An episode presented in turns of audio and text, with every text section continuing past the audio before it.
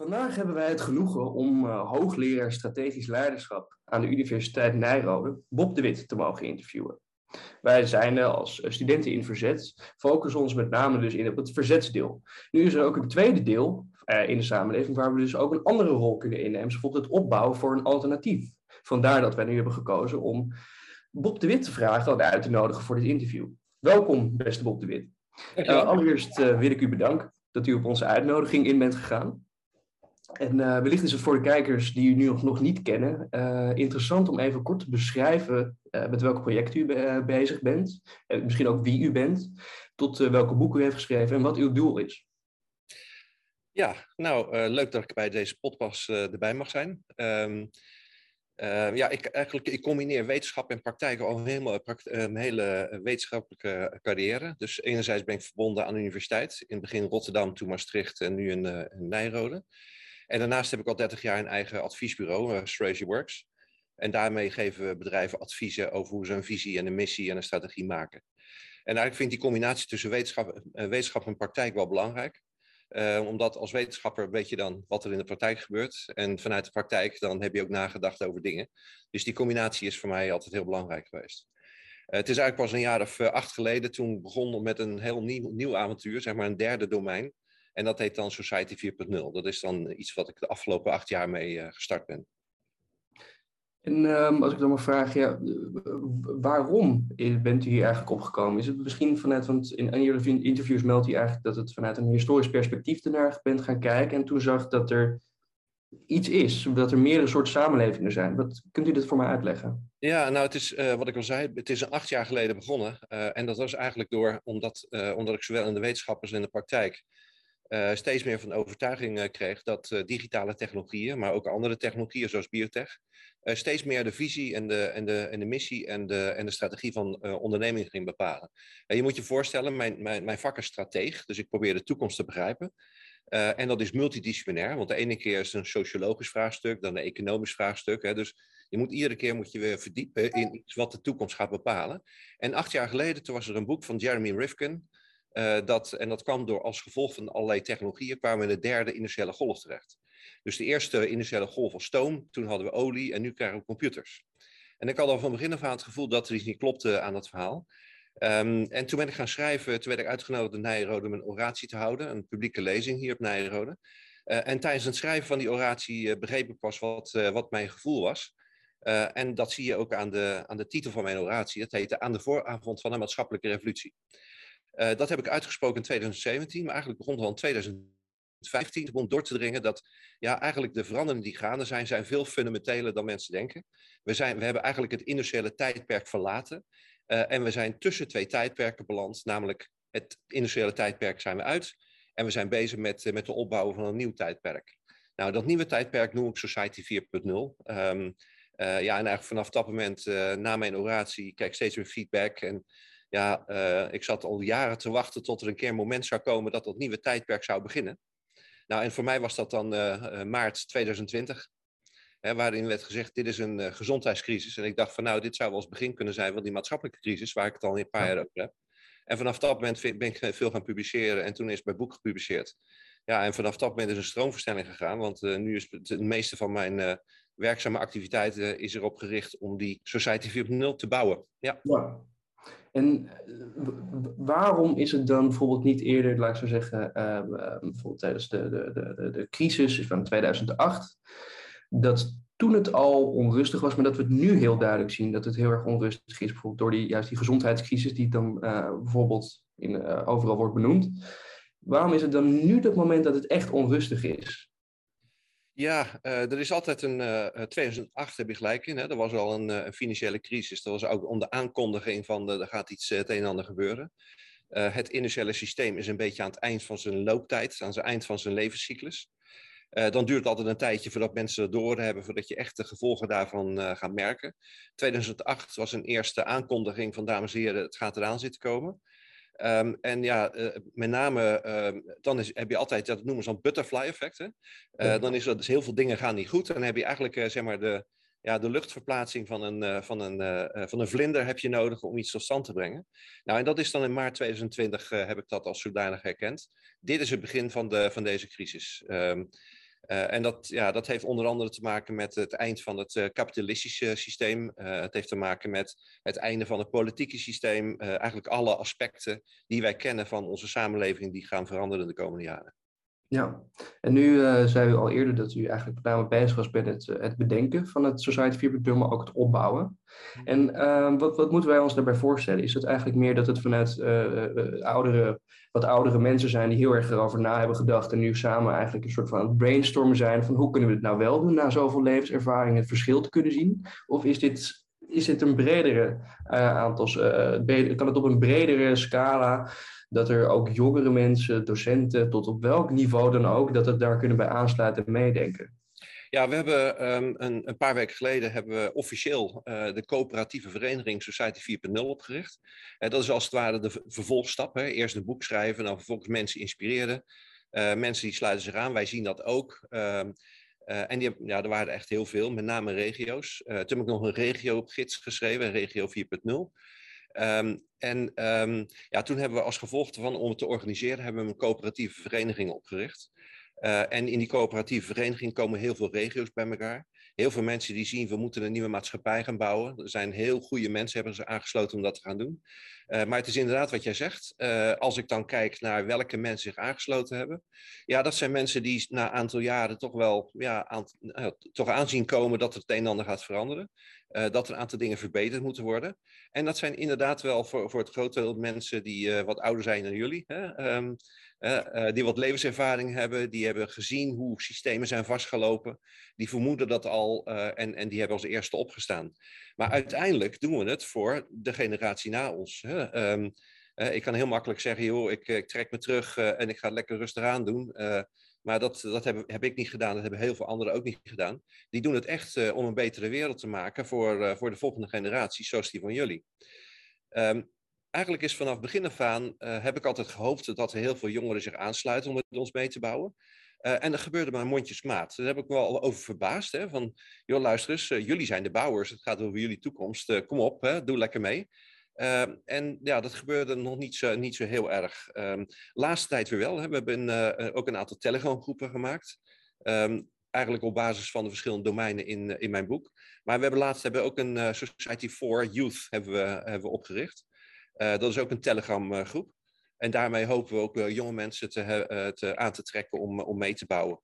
en ik denk dat, ja, ik denk dat dat voor, voor de samenstelling van, van ons bouwteam, hè, als ik het zo mag zeggen, van onze aannemerij, hè, voor het bouwen van een nieuwe maatschappij.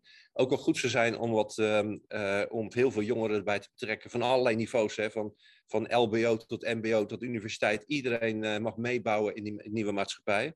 Want wij proberen het wel op te bouwen, voor, hè, wat een mooie maatschappij is voor jullie. Maar ja, ik heb liever dat jullie erbij zijn en zeggen, joh, ouwe, ouwe lul, hè, volgens mij moet het een beetje anders. Dat hoor ik heel graag, dus sluit je aan. Ja, dus het klinkt eigenlijk meer als een beetje een, een, een, vernieuwende, weer realistische vorm van democratie, dat ook de jongeren een inspraak hebben in dit geval. Ja, dus dat, um, eigenlijk dus, je hebt ook, nou nemen wij bijvoorbeeld dan meer de rol in van verzet, inderdaad. Dus dat, maar de, de rol die u, inneemt in dit geval, en dan ook eh, de mensen die zich achter u scharen, zijn dan veel meer gericht dus echt op het opbouwen. En als ik dit opbouwen moet voorstellen, dan, heeft het niet, dan is het eigenlijk heel breed. Dus dan is het niet zo alleen bijvoorbeeld de theorie bedenken, maar ook echt meer op, op een praktische manier kijken hoe het mogelijk is. Ja, ja, dat klopt. Um, we hebben, in, wat ik net zei, hè, we hebben ook een uh, soort vervolg geschreven in mijn boek. Uh, dat heet de Gids Regio 4.0. Dat kwam omdat heel veel regio's zich bij ons aanmelden. Zo van, nou, wij geloven in een regionale samenleving, opnieuw, zeg maar, een samenleving opnieuw op te bouwen. Um, en toen hebben we de gids geschreven. En die, in die gids heb ik eigenlijk een ja, soort, uh, soort handleiding gegeven hoe je nou een regio opbouwt. En dat moet je integraal gaan doen. Hè? Want als je nu kijkt naar regio's, uh, de ene regio die bouwt een, uh, de eigen um, uh, eigen voedsel op en andere gezondheidszorg op. Uh, en ergens anders doen ze decentraal internet, ergens anders weer een lokale munt. En eigenlijk als je het wil doen, dan moet je het integraal doen. Moet je al die domeinen moet je tegelijkertijd gaan opbouwen. Um, en um, uh, nou, daar hebben we dus ook regionale organisaties voor gemaakt. En we hebben voor die negen verschillende domeinen, hebben we ook expertgroepen gemaakt. Nou, in die expertgroepen helpen we de regio's om te bouwen. Uh, en dat is voor alle niveaus. Want ik bedoel, als je kijkt naar bijvoorbeeld uh, voedselvoorziening, lokale voedselvoorziening. Nou, dat is niet alleen denken, uh, dat is vooral ook heel veel doen. Hè, weten hoe de natuur in elkaar steekt. Weten hoe je bijvoorbeeld een systeemboerderij, zoals dat heet. Hè, dus dat je uh, door grote bedrijven wordt gedwongen om, om in massa heel veel dingen te gaan doen. Waardoor je de grond verschraalt en, uh, weet je wel, en de, de kwaliteit van de producten wordt minder. De kwaliteit van het boerenbedrijf wordt minder. Dan moet je eigenlijk weer een hele stap maken om een ander soort lokale voedselproductie te gaan maken. Ja, en dat is heel veel handwerk. Dat is heel veel doen. Dat is ook denken. Maar dat is ook ontwikkelen. Dus ja, eigenlijk alles, het denken, doen, alles, alles moet, moet gedaan worden. Dus we kunnen wat dat betreft al soort, elk soort talent gebruiken om, om te bouwen. Nou, dat is goed om te weten in ieder geval. Dat, het, dat veel mensen eigenlijk nodig zijn. En daarom ook een oproep om vanuit ons in ieder geval. Van wil je nou niet zozeer in verzet, maar wil je meer eigenlijk denken aan hoe het opbouwen. Dan zullen wij het mogelijk maken dat u eigenlijk direct bij de groep van uh, Bob de Wit in contact kan komen van het, uh, van het Society 4.0. Dan gaan we kijken naar, even snel, zo snel mogelijk kunnen kijken wat de mogelijkheden zijn. Dan kunnen we direct doorverbinden. Ja. En dan, en, dan wil ik eigenlijk doorgaan, eigenlijk meer vragen over de periode nu eerst eventjes waar we nu in zitten. Ja. Dus vanuit uw uh, eigen onderzoek en denken heeft u geconcludeerd dat wij in een, een andere maatschappij tegemoet gaan.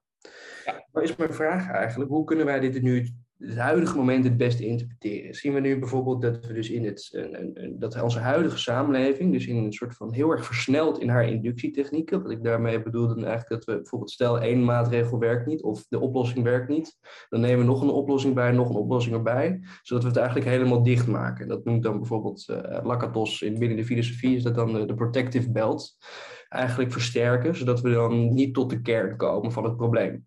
En is dit werkt juist bijvoorbeeld deze inductietechnieken, dat het huidige paradigma dus verdedigd wordt, en zodat het niet valt, en zodat het dus ook niet vervangen moet worden. Wat, wat is het doel hiervan? Waarom doen we dit? Ja, ja, dat is een hele goede vraag. Um, kijk, die, um, uh, ik, ik heb de historie bestudeerd om de toekomst te begrijpen. He, dat is iets anders dan ja, historici die, de toekomst, die, de, die het verleden willen begrijpen. Maar ik, ik, kijk alleen maar naar het verleden om de toekomst te kunnen begrijpen. En als je dan kijkt, het is niet de eerste keer dat we namelijk naar een nieuwe samenleving toe gaan. Daarmee is ook Society 4.0. Ja. we hebben eerst een feodaal tijdperk gehad met een kleine elite. Uh, die had heel veel geld en heel veel macht. En het grootste deel van de mensen moest maar zorgen dat ze de volgende dag haalden. Eh, daarna zijn we overgegaan in een nieuw tijdperk. Dat was, uh, toen zijn we overgegaan naar een handelsrepubliek. Naar een handelsrepubliek, een totaal andere maatschappijvorm dan een feodale samenleving. En vanuit de handelsrepubliek zijn we weer overgegaan, vanwege de industriële revolutie, naar een industriële samenleving. Nou, in, die tussenliggende periode, um, uh, tussen zeg maar, het eind van het handelstijdperk bijvoorbeeld en het begin van het industriële tijdperk, dat is altijd een onrustige tijd. In die onrustige tijd, en dat zag je dan iedere keer terug, in die tussenliggende periode, tussen samenlevingen, zag je steeds hetzelfde patroon.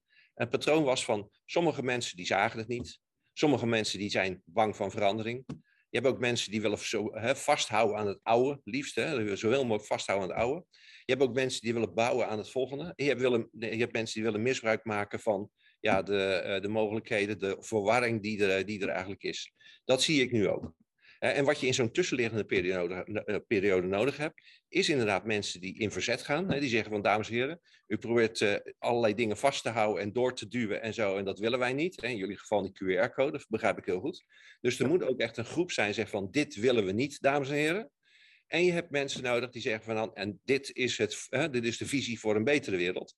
Dus doe met ons mee. Dus ik zie het echt als een, uh, als een, uh, als een ecosysteem van verschillende uh, stakeholders die nodig zijn. Uh, en ik wil niet zozeer het oude bewaren. Ik wil ook niet kleine, kleine stapjes maken uh, om zeg maar, het bestaande systeem een klein beetje te verbeteren. Zo links en rechts een beetje tweaken. Maar het is echt een radicale verandering. Ja, nou, eh, nou ja, radicale verandering. Ik wil in ieder geval helemaal opnieuw beginnen. Dus helemaal opnieuw nadenken. Ik wil niet bezwaard zijn door hoe het de afgelopen 250 jaar de maatschappij in elkaar heeft gestoken. Ik probeer zoveel mogelijk vrij na te denken zoveel mogelijk vrij na te denken over wat die technologieën en die internationale ontwikkelingen betekenen. En dan, uh, en dan kijken hoe je nou een betere maatschappij gaat bouwen. En dan ga je als het ware helemaal van de basis bouwen, net alsof er niks anders is. En dan onderweg, dan kijk je welke van de bestaande systemen je kunt gebruiken om mee te nemen in de toekomst. En welke van die systemen je gewoon moet afbreken en zeggen we nou, dames en heren, uh, nu is het wel een beetje klaar. Uh, en eigenlijk in die opbouw, ja, daar daar komen we zelf achter welke, welke systemen we kunnen bewaren en welke niet.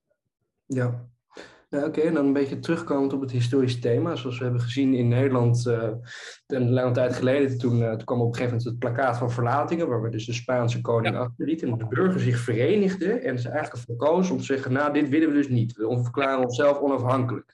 Ja. Is dit nou nog steeds mogelijk om bijvoorbeeld als een verenigde groep dus iets te verlaten? Dus laten we zeggen bijvoorbeeld een EU, een, uh, onze huidige monarchie of een Eerste Tweede Kamer. Of moet, het, moet je altijd extern plaatsen of kan het ook intern gebeuren in het oude systeem? Nou ja, ik vind het plakkaan van verlating een prachtig voorbeeld. Uh, ook hoe de Nederlanders de wereld hebben veranderd. Hè. Daar mogen we ook wel eens even op terugkijken. Dat, uh, dat wij hebben echt een bijdrage geleverd aan de ontwikkeling van het Westen.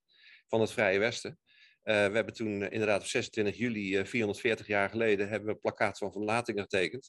We zeiden tegen koning Philips II, want het is klaar. Hè. We gaan het lekker zelf doen. en toen is inderdaad vanuit de burgermaatschappij zijn allerlei mensen actief geworden. En zeggen van nou, we hebben nu dat feodale tijdperk verlaten. Ook dat is weer een onrustige periode geweest, hè, zeven jaar lang. Maar toen zijn er een aantal mensen geweest en we gaan nu een betere maatschappij maken. Nou, en dat is uiteindelijk een republiek geworden met een raadspensionaris. Uh, met zeven provinciën, hè, of zeven Nederlanden, die ergens ge gecoördineerd moesten gaan worden. En daar hebben we eigenlijk gezegd van nou, radicaal, we gaan het heel anders doen. Um, en ja, eigenlijk, je zou kunnen zeggen, we zitten weer in zo'n soort tijdperk, hè, waarin we moeten afstand nemen van het tijdperk, het initiële tijdperk met massaproductie en vervuiling en zo. Hè, daar, daar moeten we echt wel een beetje vanaf. En we moeten iets nieuws gaan bouwen. Dus ja, uh, het zou best wel eens kunnen zijn dat er een keer een plakkaat van verlatingen 4.0 uh, ge, uh, gepresenteerd gaat worden. Waarin we gaan zeggen tegen de machthebbers van eh, het is een beetje klaar. Uh, want de manier waarop het nu gaat is geen democratie. Het is niet in het belang van de burger. Het is zeker niet in het belang van, uh, van, de, van, de, van de jonge generatie. Uh, dus dames en heren, we gaan het anders doen. Ik denk maar dat het dus wel een keer gaat komen. Het is dus wel echt zeer essentieel om het systeem waar we nu in zitten, ons onszelf erbuiten te plaatsen. We kunnen niet zozeer zeggen vanaf binnen gaan we zeggen van nee, nee vanuit binnen in het systeem gaan we het veranderen. We moeten echt totaal een nieuw paradigma letterlijk op een samenleving hebben nodig om dat gaan toepassen en zeggen: dit is een beter alternatief. Ja, dit alternatief willen wij. Ja, je, je, je bent nu zeg maar in een, in een oud systeem, een, een systeem wat voorbij zijn uh, houdbaarheidsdatum zit. Uh, veel mensen proberen het helemaal vast te houden en, uh, en, en hetzelfde te laten. Je hebt ook mensen die willen er misbruik van maken. Um, en tegelijkertijd, ja, uh, als je de keuze maakt, we gaan een betere maatschappij maken. Ja, ik heb er een visie voor gemaakt. En als we met z'n allen zeggen van nou, dit is een betere maatschappij en zo gaan we het inrichten. Ja, dan ga je gewoon uit de, uit de restanten van het initiële tijdperk, maak je gewoon een betere wereld. En het mooie is, het kan ook. Hè? We kunnen ook een betere wereld maken. Want ja, die initiële samenleving had natuurlijk een aantal voordelen, maar het heeft ook een aantal nadelen. En dus ja, waarom zouden we niet gewoon opnieuw gaan beginnen? Ja. En we doen dat gewoon op de, in de puinhopen van het initiële tijdperk. Ja, en dan uh, eigenlijk meer een vraag een voor qua bestuursvorm. Is bijvoorbeeld de democratie zoals we dat nu kennen, nou, waar ik ook je vraag bij kan stellen, is het nog heel erg een democratie? Nee. Um, dat, ja, dat denk ik ook in ieder geval. Is het iets dat we eigenlijk democratie aan zich achter ons moeten laten? Of eigenlijk alleen de vorm van democratie zoals wij het kennen? Dus dan is democratie nog wel reëel, maar niet hetgene wat wij kennen. Nou, laat ik even, even aangeven wat nou het belangrijk is van democratie. Het belang van democratie is dat de bevolking, de mensen in het volk, een feedback systeem hebben. Dus als mensen besluiten nemen, dan hebben wij als burgers, kunnen wij stemmen, hebben we een of andere soort van feedback. En zeggen we, dames en heren, dat willen we wel en dat willen we niet. Dus zo'n feedback systeem, die moet weer terugkomen, alleen niet het bestaande systeem. Want het bestaande systeem hè, in het initiële tijdperk is helemaal gebaseerd op de twee grote uh, uh, strategische factoren die belangrijk waren in het initiële tijdperk. En dat was arbeid en kapitaal. En waarom? Nou, uh, kapitaal was nodig, omdat ja, er moesten fabrieken gebouwd worden, er moest geïnvesteerd worden in machines en in producten. Er was heel veel kapitaal nodig. Dus kapitaal werd een belangrijke factor. En daarnaast, uh, een van de goede dingen van het initiële tijdperk was dat we met al die fabrieken en die kantoren konden we ook bijna iedereen aan het werk krijgen. Uh, volledige werkgelegenheid was een haalbaar streven. Het is niet allemaal gelukt, maar het is een haalbaar streven. En dat is er nooit in de geschiedenis gebeurd. Dus plotseling werd arbeid ook een factor. En dat zag je dan in de vakbonden, hè. er werden de arbeiders vertegenwoordigd. Je zag het ook in de politiek, hè, een partij van de, van de arbeid. Uh, dus eigenlijk een systeem wat we hebben gemaakt in het initiële tijdperk als een feedback systeem, een democratisch systeem, om een balans te vinden tussen arbeid en kapitaal. He, in, uh, en dat zie je in alle succesvolle initiële landen. Bijvoorbeeld in Engeland had je aan de linkerkant Labour, nietwaar? Arbeid. En aan de andere kant Tories. In Amerika had je Democrats en aan de andere kant Republicans. In Nederland hadden we ook een Partij van de Arbeid aan de ene kant. En aan de andere kant een Partij van, de, van het Kapitaal. Nou ja, dat noemen we dan een beetje anders. En een aantal partijen die er tussenin zaten. En het hele feedback-systeem, het democratisch systeem, was op gebaseerd van... we gaan dan balanceren tussen arbeid en kapitaal. Ja? Nou, er zijn een aantal dingen aan de hand uh, waardoor dat niet meer werkt. Uh, het eerste waarom het niet meer werkt, is dat arbeid eigenlijk geen strategische factor meer is. En dat, en dat zie je ook in de Tweede Kamer, in de, in de verschillende partijen. Partij van de Arbeid is heel klein geworden. En je ziet heel veel, ja, allemaal bubbeltjes. Hè? Allemaal kleine partijtjes en die hebben allemaal een themaatje. En, en, en dan krijg je gewoon eigenlijk nooit een, een, een goed beleid uit. Dus het links en rechts. Hè? Mensen praten overigens nog steeds in links en rechts. Hè? Als je links bent, dan is als je, als je die bevalt, dan is het rechts. En als je rechts bent en is iets niet bevalt, dan heet het links. Hè? Mensen praten nog steeds in links en rechts, maar eigenlijk is dat overbodig. Het is geen goede weerspiegeling meer van uh, wat er eigenlijk gaande is. Dus wat we nu moeten doen, is wel een feedback systeem maken, een democratisch systeem. Maar ja, zoals ik het in mijn boek heb uh, voorgeschreven, moet er naar een vorm van directe democratie. En dat is natuurlijk een veel betere vorm van democratie. Hè, zo is het eigenlijk bedoeld, dat je het volk betrekt bij alle vraagstukken die te maken hebben met ja, uh, de samenleving waar je in zit. Het is nu heel erg teruggebracht naar twee partijen, maar in feite zou je kunnen zeggen, want alle vraagstukken waar we mee te maken hebben, dan moeten we een systeem maken dat mensen kunnen meebeslissen over het onderwerp. En of dat nou over de natuur gaat, of of het nou over scheepvaart gaat, of hè, je moet overal over kunnen meepraten. De maatschappij moet van het volk zijn, dat is het nu niet. Um, dus we moeten een, naar een, een, directe vorm van democratie, zowel op onderwerpen, maar we moeten ook direct kunnen stemmen op mensen die ons vertegenwoordigen dat is nu ook niet zo. Je, je, kiest een keer voor een, voor een partij en volgens heb je geen idee meer wat er gebeurt. Je weet niet wie jou gaat vertegenwoordigen. Het is heel indirect geworden. En eigenlijk moet je dus ook kunnen stemmen op de mensen die jou vertegenwoordigt. Maar wat ook heeft gespeeld uh, in het initiële tijdperk, en dat is eigenlijk al vanaf de jaren 50 gaande, is dat uh, we noemen die mensen in de Tweede Kamer volksvertegenwoordigers. Maar ja, hoeveel van die volksvertegenwoordigers vertegenwoordigen dan het volk? Want um, er is heel veel invloed van grote bedrijven die, eh, die aan het lobbyen zijn en informatie geven, die hun belangen daar proberen te verdedigen. Je hebt de invloed van heel grote NGO's en andere internationale organisaties. Hè, allemaal macht van bovenaf, die allemaal regels opleggen. en dat wordt van boven naar beneden, zeg maar, in de Tweede Kamer bij de volksvertegenwoordigers neergelegd. Dus hoeveel van de, van, de, van, de, van de besluiten die daar genomen worden, zijn nou in feitelijk in, de, in, in het belang van het volk? En in jouw geval in hoeverre zijn de, de, de besluiten die genomen worden in belang van de jongeren? Ik denk in minderheid. En dat betekent dus dat we aan het eind van het systeem zitten. En dat betekent een andere vorm van democratie. En wat mij betreft een directe vorm van democratie moeten maken. En zou u misschien uh, nog eventjes het, uh, voor de kijker eventjes het onderscheid willen maken tussen een corporate state en eigenlijk de landelijke staat die u benoemt? Ja, in, uh, in, in mijn boek heb ik het inderdaad over corporate states. en dat komt omdat bedrijven, um, die zijn groter geworden dan landen. Hè, dan moet je je voorstellen, dat is ook voor het eerst in de geschiedenis iets wat we nog nooit hebben meegemaakt. Kijk, vroeger was het zo, als jij zaken wilde doen als bedrijf in Engeland, ja, dan moest je gewoon aanpassen aan de wet van het land. En die hadden dan een hele historie van dingen die ze belangrijk vonden in Engeland en zo, vrijheid van, eh, vrijheid van meningsuiting en een aantal dingen. Ja, je moest je gewoon aanpassen aan de wetten van het land. Maar nu is het zo dat die machtsbalans tussen de bedrijven en uh, staten is veranderd. Die bedrijven zijn groter geworden dan landen. Um, uh, groter dan Nederland. Nou ja, als je bijvoorbeeld op een social platform uh, zit, ja, dan gaan ze zich echt niet aanpassen aan de wet van het land. Dan zeg je van, je moet hier tekenen, de terms and conditions. En vanaf dat moment zijn zij eigenlijk regelgevende organisaties geworden. Dus het hele idee dat je het nation states, landen, die maakten de wetten en de bedrijven die passen zich aan, dat geldt niet meer. En die grote bedrijven zeggen van, je pas je maar aan mij aan. Ja, en dan krijg je dus nation states, en daarom noem ik ze ook corporate states. Dat zijn corporates maar die gedragen zich eigenlijk als landen, als regelmakende landen. Ja, en er zit eigenlijk een spanning tussen die corporate states en die nation states.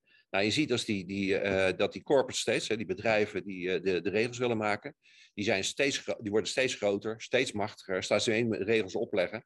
Ja, en dan zie je dus op wereldschaal uh, dat alle besluiten die opgedrongen worden, is in het belang van die grote corporate states. En dat is steeds minder in het belang van, van burgers en met name dus ook van de jonge generatie. Ja, ja dan misschien is het een beetje een vergelijk binnen mijn hoofd in ieder geval. Um, als ik naar China erbij pak, hè, want het is eigenlijk allemaal wat we nu zien heel erg op het Westen gericht. Ja. Als je naar China kijkt, is dat dan bijvoorbeeld, die hebben dan nog wel een landelijke staat en de, de bedrijven passen zich eraan meer het idee dat het land is de baas over de bedrijven. Ja. Toch kunnen ze zich wel internationaal eigenlijk uitbreiden tot zeggen van, nou ja, weet je, wij passen ons niet aan aan andere landen, alleen aan China. Maar we vinden het wel goed om dingen te doen, bijvoorbeeld zeggen, nou, we, passen, we hebben onze terms and agreements voor andere landen. En die, die, die stijgen dus, die landen dus wel erboven. Maar ja, hoeveel invloed heeft dat dan op een gegeven moment als dus zo'n totaal ander systeem, dus eigenlijk het Westen tegenspreekt? Ja, nou, um, je hebt inderdaad gelijk. En kijk, een paar landen zijn nog groot genoeg en sterk genoeg om uh, op te treden of een, zeg maar, een tegenmacht tegen die corporate states te kan zijn. En China is er één van. Dat is echt een heel groot land, heel machtig uh, en die kunnen nog heel veel uh, tegenkracht bieden. Alleen, China is natuurlijk, is een hele, heeft een hele andere structuur, een hele andere governance structuur van het land. Um, kijk, aan het, eind van het, in het, aan het begin van het initiële tijdperk was er ook een strijd tussen wat nou eigenlijk de beste vorm was, maatschappijvorm was, uh, voor een industriële samenleving. En verschillende landen hebben ook een andere keuze gemaakt. Dat was een tijd dat gesproken werd over kapitalisme, socialisme, communisme, marxisme, allemaal ismes. Hè? Ja. Uh, en je ziet ook dat Rusland heeft een andere keuze gemaakt dan Nederland bijvoorbeeld. En China heeft weer een andere keuze gemaakt. Nou, China is eigenlijk de, de, de kant op gegaan van een eenpartijstaat. Uh, waarbij zeg maar, de één partij is eigenaar van het land, hè, namens, uh, namens iedereen. En daar is de relatie tussen bedrijven, de ondernemingen en de staat is eigenlijk heel hecht. En de macht van, die, van, van de staat is daar zo groot dat als een bedrijf iets doet wat niet in belang is van wat die partij vindt, dan worden ze gecorrigeerd binnen, binnen China. Nou, dat is binnen een land wordt dat, is de governance zo geregeld. In het Westen hebben we natuurlijk anders gedaan. We zijn een vrije kant op gegaan, waarin uh, we hebben een bevolking die, die kunnen stemmen, dat is democratie, uh, gebaseerd op kapitalisme en vooral ook een vrije markt. Nou, dat, dat systeem in China is heel erg anders. Uh, en wat je ook in China ziet, is dat een aantal van die technologieën, een aantal ontwikkelingen, zijn sneller opgepakt en ook kunnen met heel veel macht kunnen ze doorgevoerd worden. En ja, het meest pregnante voorbeeld daarvan is dan die citizen score hè, in China. Uh, wat overigens begonnen is als een, uh, in, in, in Singapore. Uh, als een veiligheidsproject. ik was toevallig in Singapore toen het begon. en dat was van, ja weet je, wij willen dat onze, dat onze kinderen s'avonds veilig op straat kunnen lopen. en dat betekent dat de boeven, dan moeten we weten wie dat zijn en die moeten we van de straat afhouden. Dus iedereen kreeg ook een soort score. Uh, en je moest eigenlijk verdienen om s'nachts op straat te lopen. Hè? Dat werd uh, als een veiligheidsproject gezien. Nou, niemand was op tegen, want ja, iedereen wil dat zijn kinderen veilig op straat kunnen lopen s'avonds, nietwaar? Maar ja. ja, dat is later overgenomen door China. Die hebben dat, weer, die hebben tot heel China uitgerold. Dus een citizen score geworden, een social credit score. En dat betekent dat uh, op dit moment 1,3 miljard Chinezen hebben een citizen score.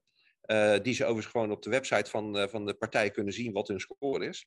Maar je moet eigenlijk je burgerschap verdienen dus je moet luisteren naar de overheid. Je, ze kijken naar je, je, je betaalgedrag, naar je koopgedrag, naar je verkeersgedrag, naar je sociale gedrag, wat je over anderen zegt en zo. Alles wordt meegenomen uh, om te kijken wat de kwaliteit burger is. Ja? Nou, um, als je een hoge score hebt, prima. Hè, dan krijg je gewoon een paspoort, rijbewijs, je kinderen mogen naar school en je krijgt gezondheidszorg. Maar heb je te weinig punten, ja, dan krijg je dus geen paspoort, geen rijbewijs, je kinderen mogen niet naar school, krijgen geen gezondheidszorg. Hier is het zo, je bent burger en je wordt pas opgesloten als je iets fout doet. Maar daar zeggen ze nee, je bent pas burger, maar dan moet je verdienen. Je moet wel genoeg punten hebben. Nou, dus en, dit, eh, ja, en, en, deze vorm van dwang en controle hè, en angst, dat is de basis van, van zo'n top-down maatschappij in, uh, in, in, bijvoorbeeld China, maar ook een paar andere landen. Um, ja, en, en je kunt heel makkelijk, de, de, hè, de je kunt heel makkelijk de, uh, de relatie leggen met, met wat er in Nederland gebeurt. Want ook hier is, de, ja, de, hè, er is een mogelijkheid dat we weer naar een top-down samenleving gaan, uh, maar dan op wereldschaal. Uh, en daar is ook een soort citizen score voor nodig. Alleen noemen we dat hier de QR-code. Ja, en dat is het eigenlijk bijvoorbeeld, nou, stel je gaat dus echt studenten weren hiervan uh, door te zeggen van nou, er komt een QR-code op het onderwijs. Dan, nou, wat ik dus eerder ook al een paradigma noemde, dus dat je dan eigenlijk daardoor dus ook heel makkelijk het paradigma gaat verdedigen. Want je krijgt dus geen kritisch geluid meer van mensen die tegen de QR-code zijn. Dus dan sluit je het gewoon letterlijk het kritiek uit op een universiteit. Ja. En dan is het bijvoorbeeld eigenlijk waar ik dan op, op door wil gaan. Dus zeg maar van, dan komen we dus in die dualiteit van, nou, we gaan dus onze macht verdedigen. Bijvoorbeeld wat China doet. We hebben onze macht eigenlijk heel erg geconstitutionaliseerd. We hebben het neergezet. En we, je bent burger op het moment dat jij dus, je bent vrijheid als jij dus je goed gedraagt. Ja dan is het dus eigenlijk bijvoorbeeld mijn vraag een beetje van ja, kijk, als we dan kijken naar bijvoorbeeld wat corporate states doen, en dan eigenlijk, uh, die kunnen heel makkelijk een QR-code uiteindelijk verbinden met hun apps, en dat is de huidige technologie. Is het bijvoorbeeld um, in de transitie die we nu zien, dat um, dus um, het ZZP'er zijn, wat nu erg toeneemt, een belangrijke rol binnen het creëren van de transitie. Dus het eigenlijk soort van niet helemaal meer verbonden zijn aan de corporate state. Maar aan de andere kant kan je er bijvoorbeeld, als je kijkt naar China, zou het misschien ook alweer macht kunnen uitoefenen. Dus de, dualiteit tussen macht en vrijheid. Hoe, hoe gaat dat in zijn werking? Ja, nou, ik denk dat, um, uh, kijk, ik denk dat je inderdaad die QR-code moet zien als een, uh, als een onderdeel van die transitie naar de andere maatschappij. Waarbij het echt de vraag is, hè, dat zeg ik ook in mijn Society 4.0, we zitten in de overgang. Uh, en echt wordt de vraag, wordt een top-down maatschappij of wordt het hè, vanuit de, de, machthebbers en de geldhebbers georganiseerd, top-down? Of gaan we weer een maatschappij maken met democratie helemaal vanaf de basis en vanuit de belangen van de burgers? Dat is eigenlijk de grote strijd die nu gaande is. En zo'n QR-code is inderdaad een manier om jouw data te, te verzamelen. Uh, om jou te tracken en te tracen. En, en dan en, en eigenlijk een vorm van controle. Dat is wat je, wat je moet hebben. Ik denk juist dat, um, dat ZZP'ers is ook een mooi voorbeeld van hoe het oude systeem afbreekt. Hè, om even, een, even een stapje te maken naar, je, naar jouw vraag. Kijk, je moet je voorstellen dat in het initiële tijdperk er zijn ook grote bedrijven ontstaan, hè, met, eh, met veel afdelingen en hiërarchieën en, en business units en zo. Um, en het was ook heel lang zo dat uh, uh, ja, je probeerde gewoon een, een, opleiding te krijgen en daarna een baan bij een bedrijf. En dan kreeg je gewoon inkomen en dan kon je alles, je kon je elektriciteit en eten gaan beta betalen. Maar dat waren hiërarchieën. En mensen hadden ook een soort van zekerheid. Hè? Dan heb je een vaste baan en dan krijg je een vast inkomen en dan weet je zeker dat je dat je, je rekeningen kunt betalen. Nou, je ziet al een tijdje dat dat, dat dat eindig is. En dat komt ook omdat die initiële massaproductie, dat gaat voorbij.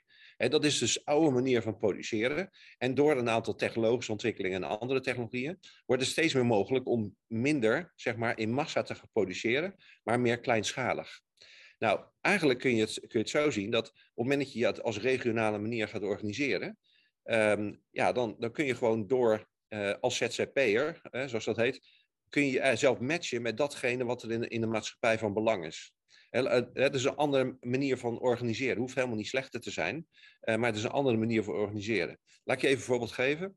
Um, het was, vroeger was het zo dat er een aantal aantal activiteiten waren best gevaarlijk. Bijvoorbeeld een taxi nemen. Hè, dus als je een taxi wilde hebben in een, in een grote stad van A naar B, dat was best, best tricky.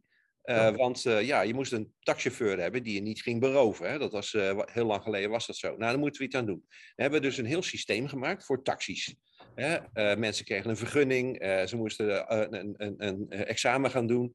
Dan moesten ze zich aanmelden bij een taxi, taxicentrale. Daar waren te telefonistes en, nou, en, en, en een hele organisatie om ervoor te zorgen dat de vrager van, van vervoer werd gekoppeld aan de afnemer van vervoer. Maar we weten nu ook dat met technologie kun je direct in elkaar koppelen. Zo'n Uber-appje. Ja, dat betekent ik wil graag van A naar B. en dan gaan we eens even kijken wie er toevallig langs loopt. Ja, dat doen we niet door een vergunning enzovoort. Maar je krijgt gewoon naar de referenties. Hè, wat voor eh, feedback krijgt hij? Nou, daar stap ik niet, bij, daar stap ik niet in hoor. Die, eh, die, krijgt, die is vaak agressief. Of ja hoor, dat is een goeie en daar stap je dan in. dan heb je eigenlijk dezelfde behoefte die erachter zit. Die wil van A naar B. Dat moet veilig.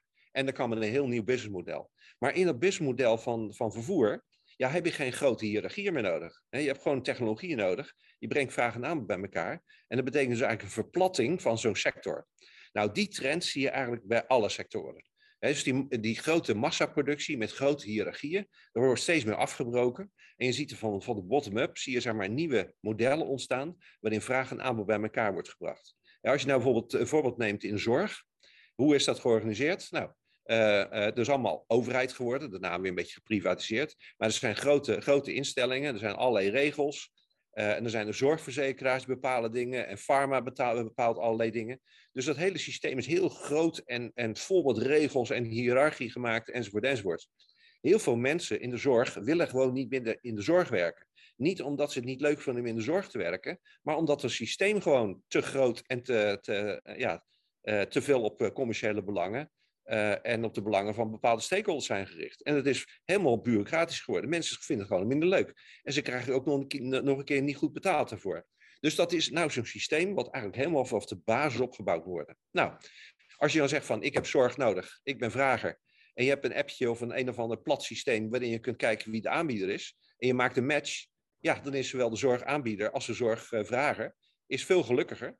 En het is ook, eigenlijk is het denk ik ook financieel beter voor iedereen.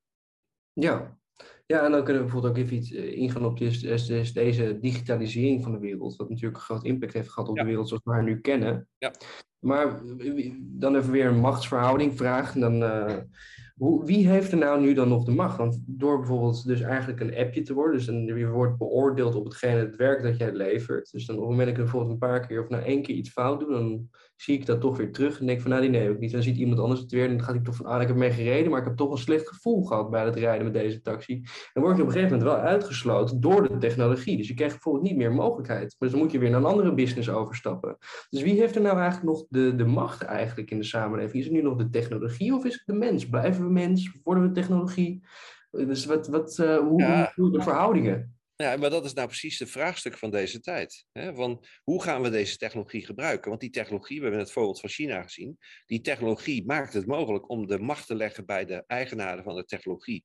En bij de, degene die, machtig heeft, die, die, die de macht heeft, zoals uh, eh, NGO's uh, eh, en grote bedrijven. Hè? Dat kan. Ja. En dan word je eigenlijk, die technologie wordt ingezet op controle uh, en en angst te, te maken. Um, dat kan. Maar diezelfde technologie maakt het ook mogelijk om weer dichter bij de maatschappij te komen, dichter bij de burger te maken. En zeggen, joh, we gaan diezelfde technologie gebruiken, maar eigenlijk op een hele andere manier. He, veel meer vanuit de burgerbelangen. Nou, en, dan, uh, en dat, ja, dat is eigenlijk de grote strijd die, die op dit moment plaatsvindt, denk ik. Ja, en dan is het eigenlijk, als we dan kijken bijvoorbeeld naar, naar de twee punten, dus bijvoorbeeld wij verzet, u meer opbouwend is het als wij bijvoorbeeld willen verzetten tegen deze vorm van macht. Dus zeggen, nou de corporate state is eigenlijk met deze apps kunnen ze de macht hebben met via al jouw data. En dan is dat eigenlijk niet meer democratie, want ze lobbyen alles. Zij, staan boven onze landelijke staat. Hoe kunnen wij dan nog onze democratie uit? Is het alleen mogelijk, uit, uh, mogelijk door een negatief te doen. Dus echt zeggen van ik koop dit niet of ik doe er niet aan mee. Dus zeg van ik download deze app niet, omdat we dan daarmee brengen we stem uit van nou dan gaan dus meer mensen het niet doen, dus dan kunnen ze ook hier niet een macht uitoefenen. En als dat dan bijvoorbeeld is dat nu waar we nu in zitten, is dat nu de beste mogelijkheid om te verzetten? En hoe zou je het dan wel aanpakken? Lokaler bijvoorbeeld? Ja, nou ja, ik denk dat dat uh, in dat ecosysteem allebei nodig is. Hè. Ik denk dat het heel goed is dat jullie zeggen die QR-code, dat, is, uh, dat is niet in ons belang. Hè. Dat is een belang voor hele andere partijen, dat willen we niet. Ik denk dat dat heel uh, legitiem is om je uit te spreken. Dat hoort ook in een democratie, vind ik. dus daar kan ik me helemaal in vinden. Um, maar je hebt ook een alternatief nodig. Hè. Je kunt er zeggen, dit wil ik niet. Maar het beste is wel om dan een alternatief te hebben en zeggen, want dit wil ik wel. Dat, dat is eigenlijk waar ik mee bezig ben. Hè. Dus, dus uh, ik heb alle respect voor mensen die in verzet gaan. Uh, zelf doe ik het niet. Want ik zeg van, je moet eigenlijk een betere nieuwe maatschappij bouwen. Uh, op basis van de behoeften die er zijn vanuit de bevolking. en als dat aantrekkelijk genoeg is voor iedereen om daar naartoe te gaan, ja, dan kun je gewoon overstappen op, het, op zeg maar Society 4.0. een betere samenleving. en ja, in, in mijn visie staat de regio centraal. Hè, dus op regionaal niveau kun je eigenlijk alles uh, organiseren wat nodig is. Vroeger was dat niet, hè. word je massaproductie nodig. Maar nu met 3D-printing en met blockchain-technologie en allerlei andere technologieën kun je eigenlijk de, de belangrijkste dingen kun je op regionale schaal gaan doen. En je ziet dan ook dat er heel veel uh, jonge bedrijven, hè, dat zijn vaak weer jonge mensen overigens, jonge bedrijven, die zeggen van nou weet je wat, we gaan het op een andere manier gaan we het organiseren. Hè. Ik zou je een voorbeeld geven. Um, een van de afhankelijkheden die we nu hebben gemaakt, is die van uh, het internet. Hè? Dus als jij, hè, als jij uh, allerlei producten op het internet wil hebben, ja, dan word je eigenlijk afhankelijk van monopolisten op wereldschaal. Hè? Dat is eigenlijk wat er gebeurt. En ze gebruiken die macht ook ten volle, zeg maar, om hun belangen te dienen. Maar wat je dan bijvoorbeeld ziet, is van, je kunt ook een regionaal internet maken. Hè? Even technisch gezien ziet het er simpel uit. je zet in een regio zet je dan duizend schoenendoosjes neer. En een schoenendoos is dan een computerserver. Hè? Uh, die ga je met elkaar verbinden. Vervolgens maar heb je software, die leg je eroverheen. Om daar een, uh, dat heet dan in ons geval uh, Threefold, is een voorbeeld van zo'n van zo'n bedrijf. En dan heb je eigenlijk een regionale infrastructuur gemaakt, een, een, digitale infrastructuur gemaakt. En dan zet je daar al je apps op. En dan kun je daar eigenlijk de dingen doen die je nodig hebt, maar dat doe je op regionale schaal. Nou, als we dat in heel Nederland gaan doen, en ook buiten Nederland overigens, we maken allemaal regio's met hun eigen regionale internet. Dan heb je eigenlijk weer controle over je eigen digitale infrastructuur. En vervolgens ga je horizontaal de verschillende regio's met elkaar verbinden. Ja, dan heb je eigenlijk een alternatief gemaakt, een beter alternatief gemaakt voor het bestaande systeem. Nou, en als dat maar aantrekkelijk genoeg is, ja, dat trekt het vanzelf maar aan. En, en uh, ja, je ziet, je ziet heel veel jonge techbedrijven die, uh, die heel klaar zijn met die, uh, met die big tech. En die zijn allemaal bezig met allemaal technologische ontwikkelingen te maken om het decentraal te gaan, te gaan ontwikkelen.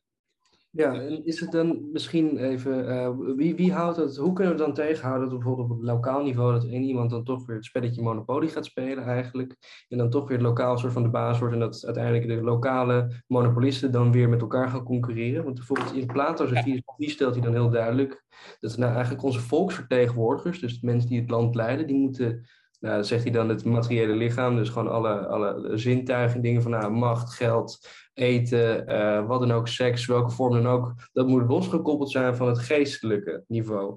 Dus als dat los van elkaar gekoppeld is, zijn we dus niet beïnvloedbaar door bijvoorbeeld lobby's of mensen van ik betaal jou, want ik ben de, de monopolist en ik betaal de volksvertegenwoordiger dat hij mij even goede belangen gaat vertegenwoordigen. Dus als we dat, is, is in zo'n nieuwe samenleving zouden we dan bijvoorbeeld dat soort uh, volksvertegenwoordigers moeten hebben die, die die twee punten uit elkaar hebben gekoppeld? Is dat reëel?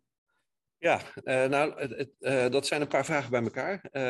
Eén, um, kijk, een van de dingen wat, waar we een beetje toch vanaf moeten, is het aandeelhouderskapitalisme. dat is in de jaren 70 begonnen met Milton Friedman, met een artikel over het enige doel van aandeelhouders om veel mogelijk geld te verdienen. En vanaf dat moment is het geld zeg maar een doel geworden en alles overheersend geworden. Wat we, en we, we weten dan ook dat de grote bedrijven zijn allemaal een eigendom van de aandeelhouders en zo, die steeds rijker worden. En, maar, dat, uh, maar je ziet daarbinnen ook altijd allerlei alternatieven. Hè? Um, bijvoorbeeld Rolex. Uh, weet jij van wie Rolex is? Ja, van, uh, van, van de mensen zelf van Rolex, toch? Dat zijn toch de mensen die er werken, die hebben Rolex. Exact, ja. Dat is een, ja. een ondernemer geweest. En, en, die heeft zeg maar Rolex overgedragen aan de, aan de werknemers. Ja. wij zouden dat hier een coöperatie noemen. Um, in, in, even een wetenschappelijke term heet steward ownership. En dat betekent dus dat het bedrijf is alleen van de mensen zelf. Nou, uh, en dan aan het eind van het jaar hebben ze, zijn helemaal betrokken bij het maken van het product. Aan het eind van het jaar maken ze winst. Een deel is om te investeren in, in de toekomst. En de rest, dan besluiten zij wat ze nou goed, een goede bestemming vinden voor de winsten die ze gemaakt hebben. Nou, zoiets kun je ook op, op, op regionale schaal maken. als je dus een, een steward ownership-achtig uh, systeem maakt op regionale basis, waarin je zegt van uh, wij aan een aantal dingen mooie, mooie dingen maken en we verdelen de opbrengsten. En dat, dat gaan we op een eerlijke manier gaan we dat doen. Nou, dat, dat is eigenlijk een soort van coöperatie vanuit onze, hè, onze verenigingen, coöperatieve verenigingen, is eigenlijk daarop gebaseerd. Maar dan ga je dus een ander soort uh, kapitaalsysteem ga je, dan, ga je dan eigenlijk maken. Nou, als je dat doet en je gaat ook decentraal ga je produceren, uh, dan ga je eigenlijk de, dingen ga je produceren die je nodig hebt als mens om gelukkig te zijn. Hè? Die, uh, eigenlijk, en je wordt dan zelf onderdeel van, van het productiesysteem. En je gaat data produceren en voedsel en nou, eigenlijk alles, alles wat je nodig hebt en wat gespecialiseerd is in die, in die regio. Uh, dat betekent dat betaald werk wordt steeds minder belangrijk. Hè? In, op de oude manier. Je moet wel betaald werk hebben, je hebt inkomen nodig. Maar je wordt ook onderdeel van het productiesysteem. Je gaat weer nadenken over wat je met de opbrengsten gaat doen. Ja, en op het moment dat je, dat, dat, je dat gaat doen en je zorgt ervoor dat het van jou is, hè? Dat, dat die hele regio van jou is, wat daar geproduceerd van jou is of zo. Ja, dan ga je al meer naar een hoger menselijk niveau toe. Ja. Want dan word je niet meer. Hè, dat is eigenlijk eigenlijk is in het initiële tijdperk zijn we gewoon menselijke robots geworden. Hè? Mensen gingen naar het kantoor om acht uur te werken, of naar fabrieken en stonden ze achter de lopende band. Dat is eigenlijk niet erg menselijk. Dus dat kunnen we achter ons laten, want dat gaan we op een andere manier organiseren. Dan gaan we dat weer met een purpose doen. Hè? Niet alleen maar om geld te verdienen, omdat het zin heeft om dat te gaan doen. Dat is een grote stap. Nou, en als je dingen gaat doen vanwege een purpose, vanwege een doel, uh, en je kan dat een paar uur per dag doen, ja, dan kun je de rest ook besteden om beter te worden als mens. Het is een veel menselijkere manier en een veel meer een geestelijke manier om, als je wil, een spirituele manier, uh, om de volgende stap te maken in de mensheid. Ja, dus het is echt weer een samenleving tussen burgers. Zoals Alexis de Tocqueville wel eens vroeger naar hinten een beetje. Toen in Amerika dat we door eigenlijk eh, dat, dat geld niet het doel was, maar geld het middel was om toen nog Amerika op te bouwen. Dan zijn het eigenlijk door de jaren heen eigenlijk een beetje verwaterd licht. Misschien ja. heel erg verwaterd, een beetje eh, vertroebeld eerder. Maar dat, ja. um, wat, wat, u mooi zei was eigenlijk dat uh, productie en consumptie lijken dus dan weer, op het moment dat we het weer samenbrengen, dan zijn we dus eigenlijk een stuk meer bewuster van hetgeen wat we produceren consumeren wat we nodig hebben. Dus dan hebben we meer een, een idee bij hetgene wat we doen. Ja, zeker. Dan, wat het WEF dan nu ons voorstelt met zijn, hun plan 30 en ook vanuit de VN, wat ze hebben opgesteld, vanuit het WHO, nou, we moeten dus heel veel dingen terugdringen, ook vanuit een klimaatniveau, dus ook met name milieuvervuiling. Is het juist weer dat Uh, dus zij willen het heel erg sustainable maken. Dus we willen wel heel, ze willen wel zo houden dat we heel veel kunnen consumeren de hele tijd en heel veel kunnen produceren, maar dat moet dan sustainable zijn. Ja. Dus dan kunnen we het wel vasthouden. Maar wat, als ik het goed begrijp wat u zegt, is op het moment dat we dus dan inderdaad weer enigszins bewust zijn en dichter bij de productie en consumptie staan, dat het weer samengekoppeld is, dan zouden we dus ook van nature eens minder consumeren en bijvoorbeeld ook milieuvervuiling en dat soort dingen dus ook makkelijker oplossen. Nou ja, uh, kijk, de doelen van de Verenigde Naties ben ik het op zich wel mee eens. Alleen het is een beetje abstract geformuleerd. Kijk, ik kan zeggen minder milieuvervuiling. Ja, wie, wie is daar nou op tegen? Weet je wel? Dus hè, dat is wat wij noemen een motherhood statement. Hè? Daar, kan niemand mee oneens zijn. Alleen het zitten we erin van hoe ga je het dan realiseren? En wat je dan bijvoorbeeld nu ziet, zeggen we, nou, we moeten milieubewust zijn, dus wij moeten allemaal onze plastic gaan scheiden. Hè? We moeten allemaal op, uh, oppassen met wat we met plastic doen. Wat natuurlijk ook een goed vraagstuk is, want uh, eh, 19% van de plastic wordt gerecycled en 81% wordt gewoon de zee gegooid. Hè? Dus, dus dat is heel slecht. Maar als ze nou vervolgens zeggen, we moeten duurzaam zijn, en vervolgens uh, kondigt Coca-Cola af, we zetten vijf nieuwe fabrieken om plastic flessen te gaan maken neer. Vijf, hè? niet één, maar vijf. Dan denk ik van ja, hallo, uh, wie moet er nou verantwoordelijkheid nemen? Dan vind ik het wel heel makkelijk van de Verenigde Naties om te zeggen, we moeten duurzaam zijn.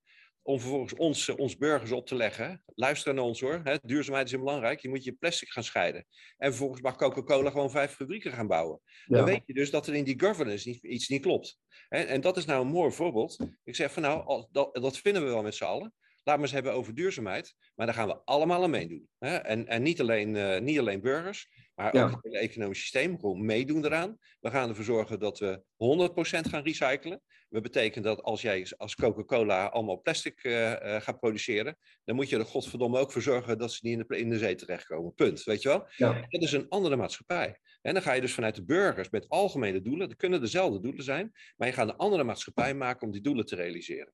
En het interessante is dat de World Economic Forum denkt dat de beste manier om de wereld aan te sturen is door die grote bedrijven en die grote NGO's. Zij maken een aantal doelen en wij moeten dat gaan uitvoeren. En ik vind het voorbeeld van Coca-Cola een heel mooi voorbeeld, want om, als bewijs dat het gewoon niet werkt. Kijk, als je alleen maar gaat kijken naar de belangen van het kapitaal uh, en vervolgens ga je alle grote doelen, die ga je bij de burgers neerleggen. Ja, dat vind ik gewoon geen goede manier van organiseren. Het, nog even los van dat het ideologisch niet bij me past, werkt het ook gewoon niet. En daarom moet je ook een alternatief gaan maken.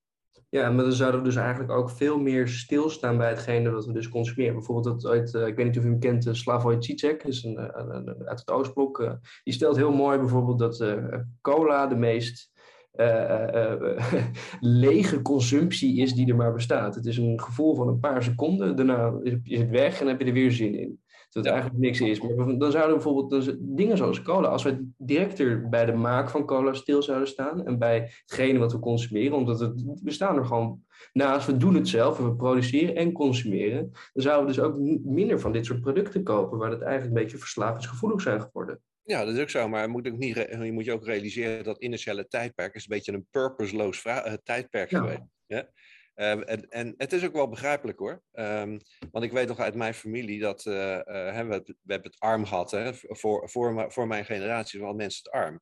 En door het initiële tijdperk voor het eerst hè, kregen ze een vaste baan. En dan kregen ze een inkomen. En dan konden ze een rijtjeshuis kopen. En een auto en een caravan. Kon ze vakantie. Dat was voor hun een enorme stap. Hè. Dat was voor hun een enorme verlichting, een verbetering. Ten, ten opzichte van de generaties voor hun. Maar ja, als je bij deze generatie zegt van joh je hebt dadelijk eh, gestudeerd en heb je een baan en dan kun je een, uh, een rijtjeshuis kopen en een caravan voor de deur. Ja, ik weet niet hoeveel mensen daar nou gelukkig voor worden. En dat komt dat er steeds meer belangstelling komt voor purpose. Dus dat initiële tijdperk was purposeloos, maar dat was om uit de armoede te komen. Maar we zitten nu in een nieuwe fase van de mensheid. Uh, en nu zie je dat mensen eigenlijk veel meer vanuit een bepaalde purpose willen werken. Het voorbeeld dat ik net gaf over, over de zorg. Ja, vroeger had je, maak je eerst reparatiefabrieken, dat heette dan ziekenhuizen. En dan kreeg je een vaste baan en dan ging je naartoe en dan was je gelukkig. Dat systeem is helemaal vastgelopen. Maar als je nu zegt van waar word je nou gelukkig van? Ja, ik word er gelukkig van om mensen te helpen. En ik heb verstand van, uh, van voeding en ik heb verstand van, uh, van, uh, van het hart of zo, weet ik wat. En je kunt gelijk uh, vraag en aan bij elkaar koppelen. En je kunt mensen in je omgeving helpen met, jou, met, jou, uh, met jouw dienstverlening, met jouw professionaliteit, waar jij gelukkig van wordt. En je kunt dat weer ruilen met andere mensen in je regio, die we ergens anders goed in zijn en gelukkig van worden. Ja, dan maak je met z'n allen maak je weer een betere wereld van. En, die, en dat gebrek aan purpose, hè, uh, wat, wat er in het initiële tijdperk ontstond aan het eind met name, ja, dat moeten we oppakken. En hoe gaan we nou een nieuw model maken? Dat het weer fijn is om te werken, om, dat je helemaal jezelf kan zijn. ik zeg altijd, het hoogste wat je kan worden is jezelf. Dus op het moment dat je, je leert wie jij bent en je weet wat jouw purpose is, waar je gelukkig van wordt en hoe je je vrije tijd wil besteden, ja, dat is dan de basis van de bouw van een nieuwe maatschappij. Ja, en dan zou ik eigenlijk vanaf dit punt eventjes terug willen halen op uw uh, eerdere oproep van het, dus het, dat er ook mensen nodig zijn om het op te bouwen. Maar dan is het dus dat we ook niet alleen kijken naar het praktische uiterlijk en het werking ervan, maar ook eigenlijk diep op het geestelijke doel, of misschien het, het, het, het, het niveau binnen het, het gevoel, het, emotionele, het geestelijke niveau van het, het nut van zo'n nieuwe samenleving. En, en wat u nu zojuist zei, dus het hoogste wat je zelf kan worden, uh, het hoogste wat je kan worden is jezelf worden uiteindelijk. Hoe zou dan bijvoorbeeld op een geestelijk niveau deze samenleving eruit moeten gaan zien? Hebben we dan bijvoorbeeld een idee zoals Nietzsche zegt, dat we uiteindelijk allemaal het hoogste is een ubermens worden, met het doel dat we elkaar dus inspireren om onszelf te worden? Dus is het, heeft Society 4.0 op geestelijk niveau het doel om ons allemaal het, uh, onszelf te laten worden? Ja, dat, dat, um, uh, dat zou in ieder geval mijn doelstelling zijn. Uh, uh, het woord Ubermensch vind ik wat minder geschikt. Uh, nee, nee, nee, maar dat, uh, buiten de politieke dingen erom, maar bijvoorbeeld uiteindelijk een ja, nou ja, dat Ubermensch niet mooi wordt, maar het, het hoogste worden van onszelf is dat het doel uiteindelijk gewoon. Ja, jezelf verheffen. Hè? Eigenlijk was, ja. kijk, vroeger was onderwijs, zoals ze dat noemen, was ook het verheffen van de mensen.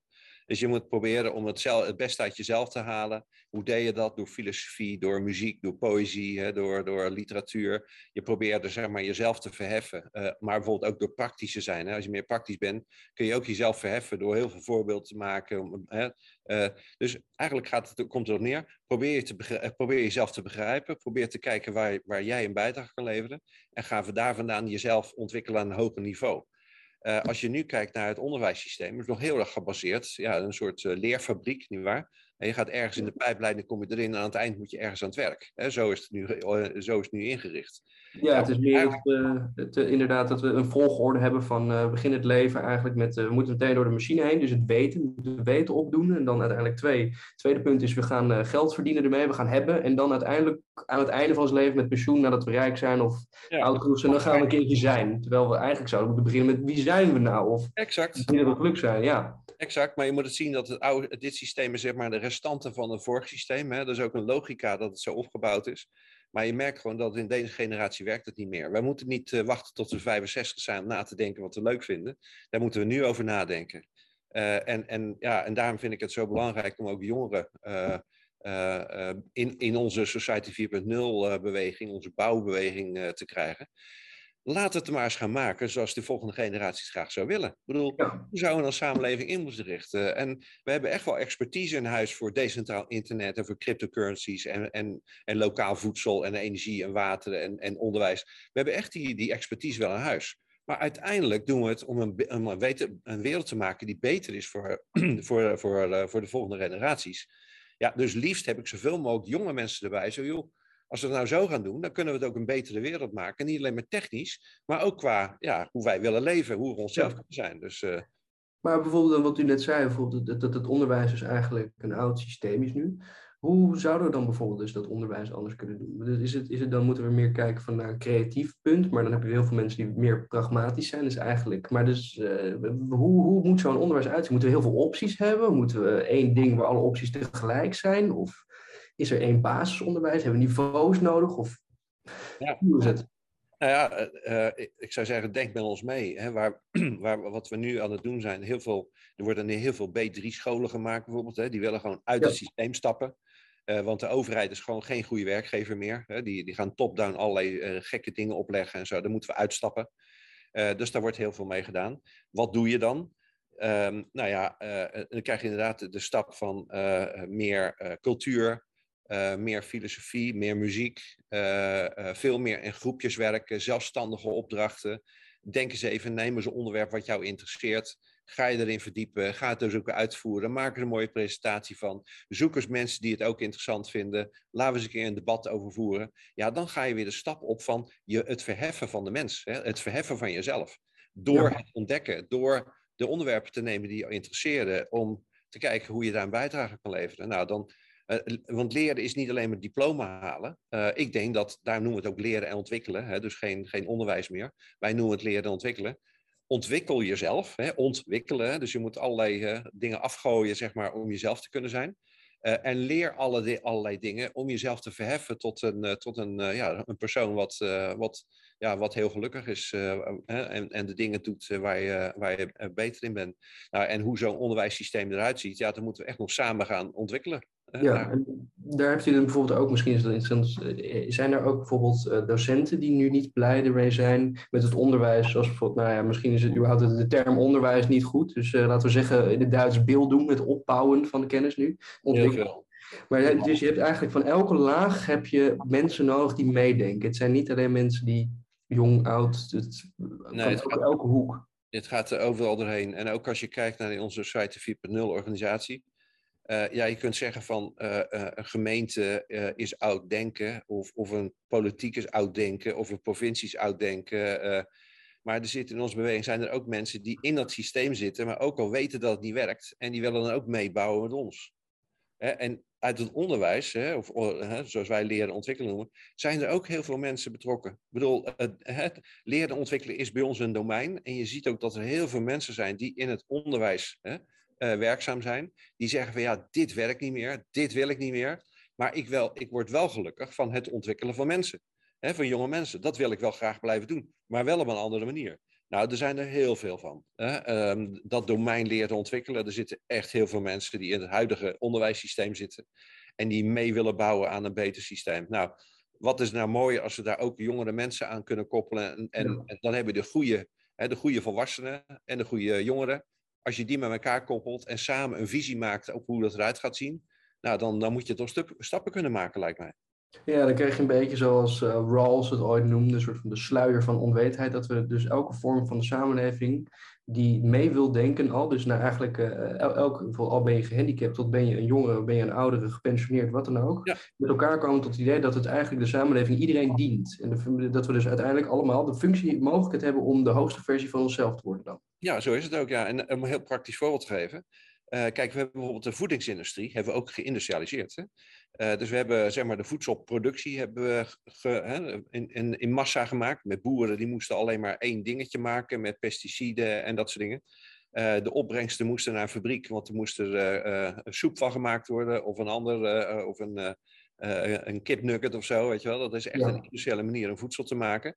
En dat werd helemaal losgekoppeld. Hè? Dus, dus het maken van, van de, je had een je had een, zeg maar, systeemboerderij, daarna had je een systeemfabriek en daarna kreeg je een systeem uh, uh, supermarkt. Ja, als je weer terug gaat naar de basis, dan zeg je eigenlijk van, in een regio hebben we bijvoorbeeld een voedselbos. Hè. Integraal gaan we dus he, allerlei verschillende dingen gaan we, gaan we ontwikkelen. De grond moet weer schoon zijn, we maken geen pesticiden meer. het is ook gemengd.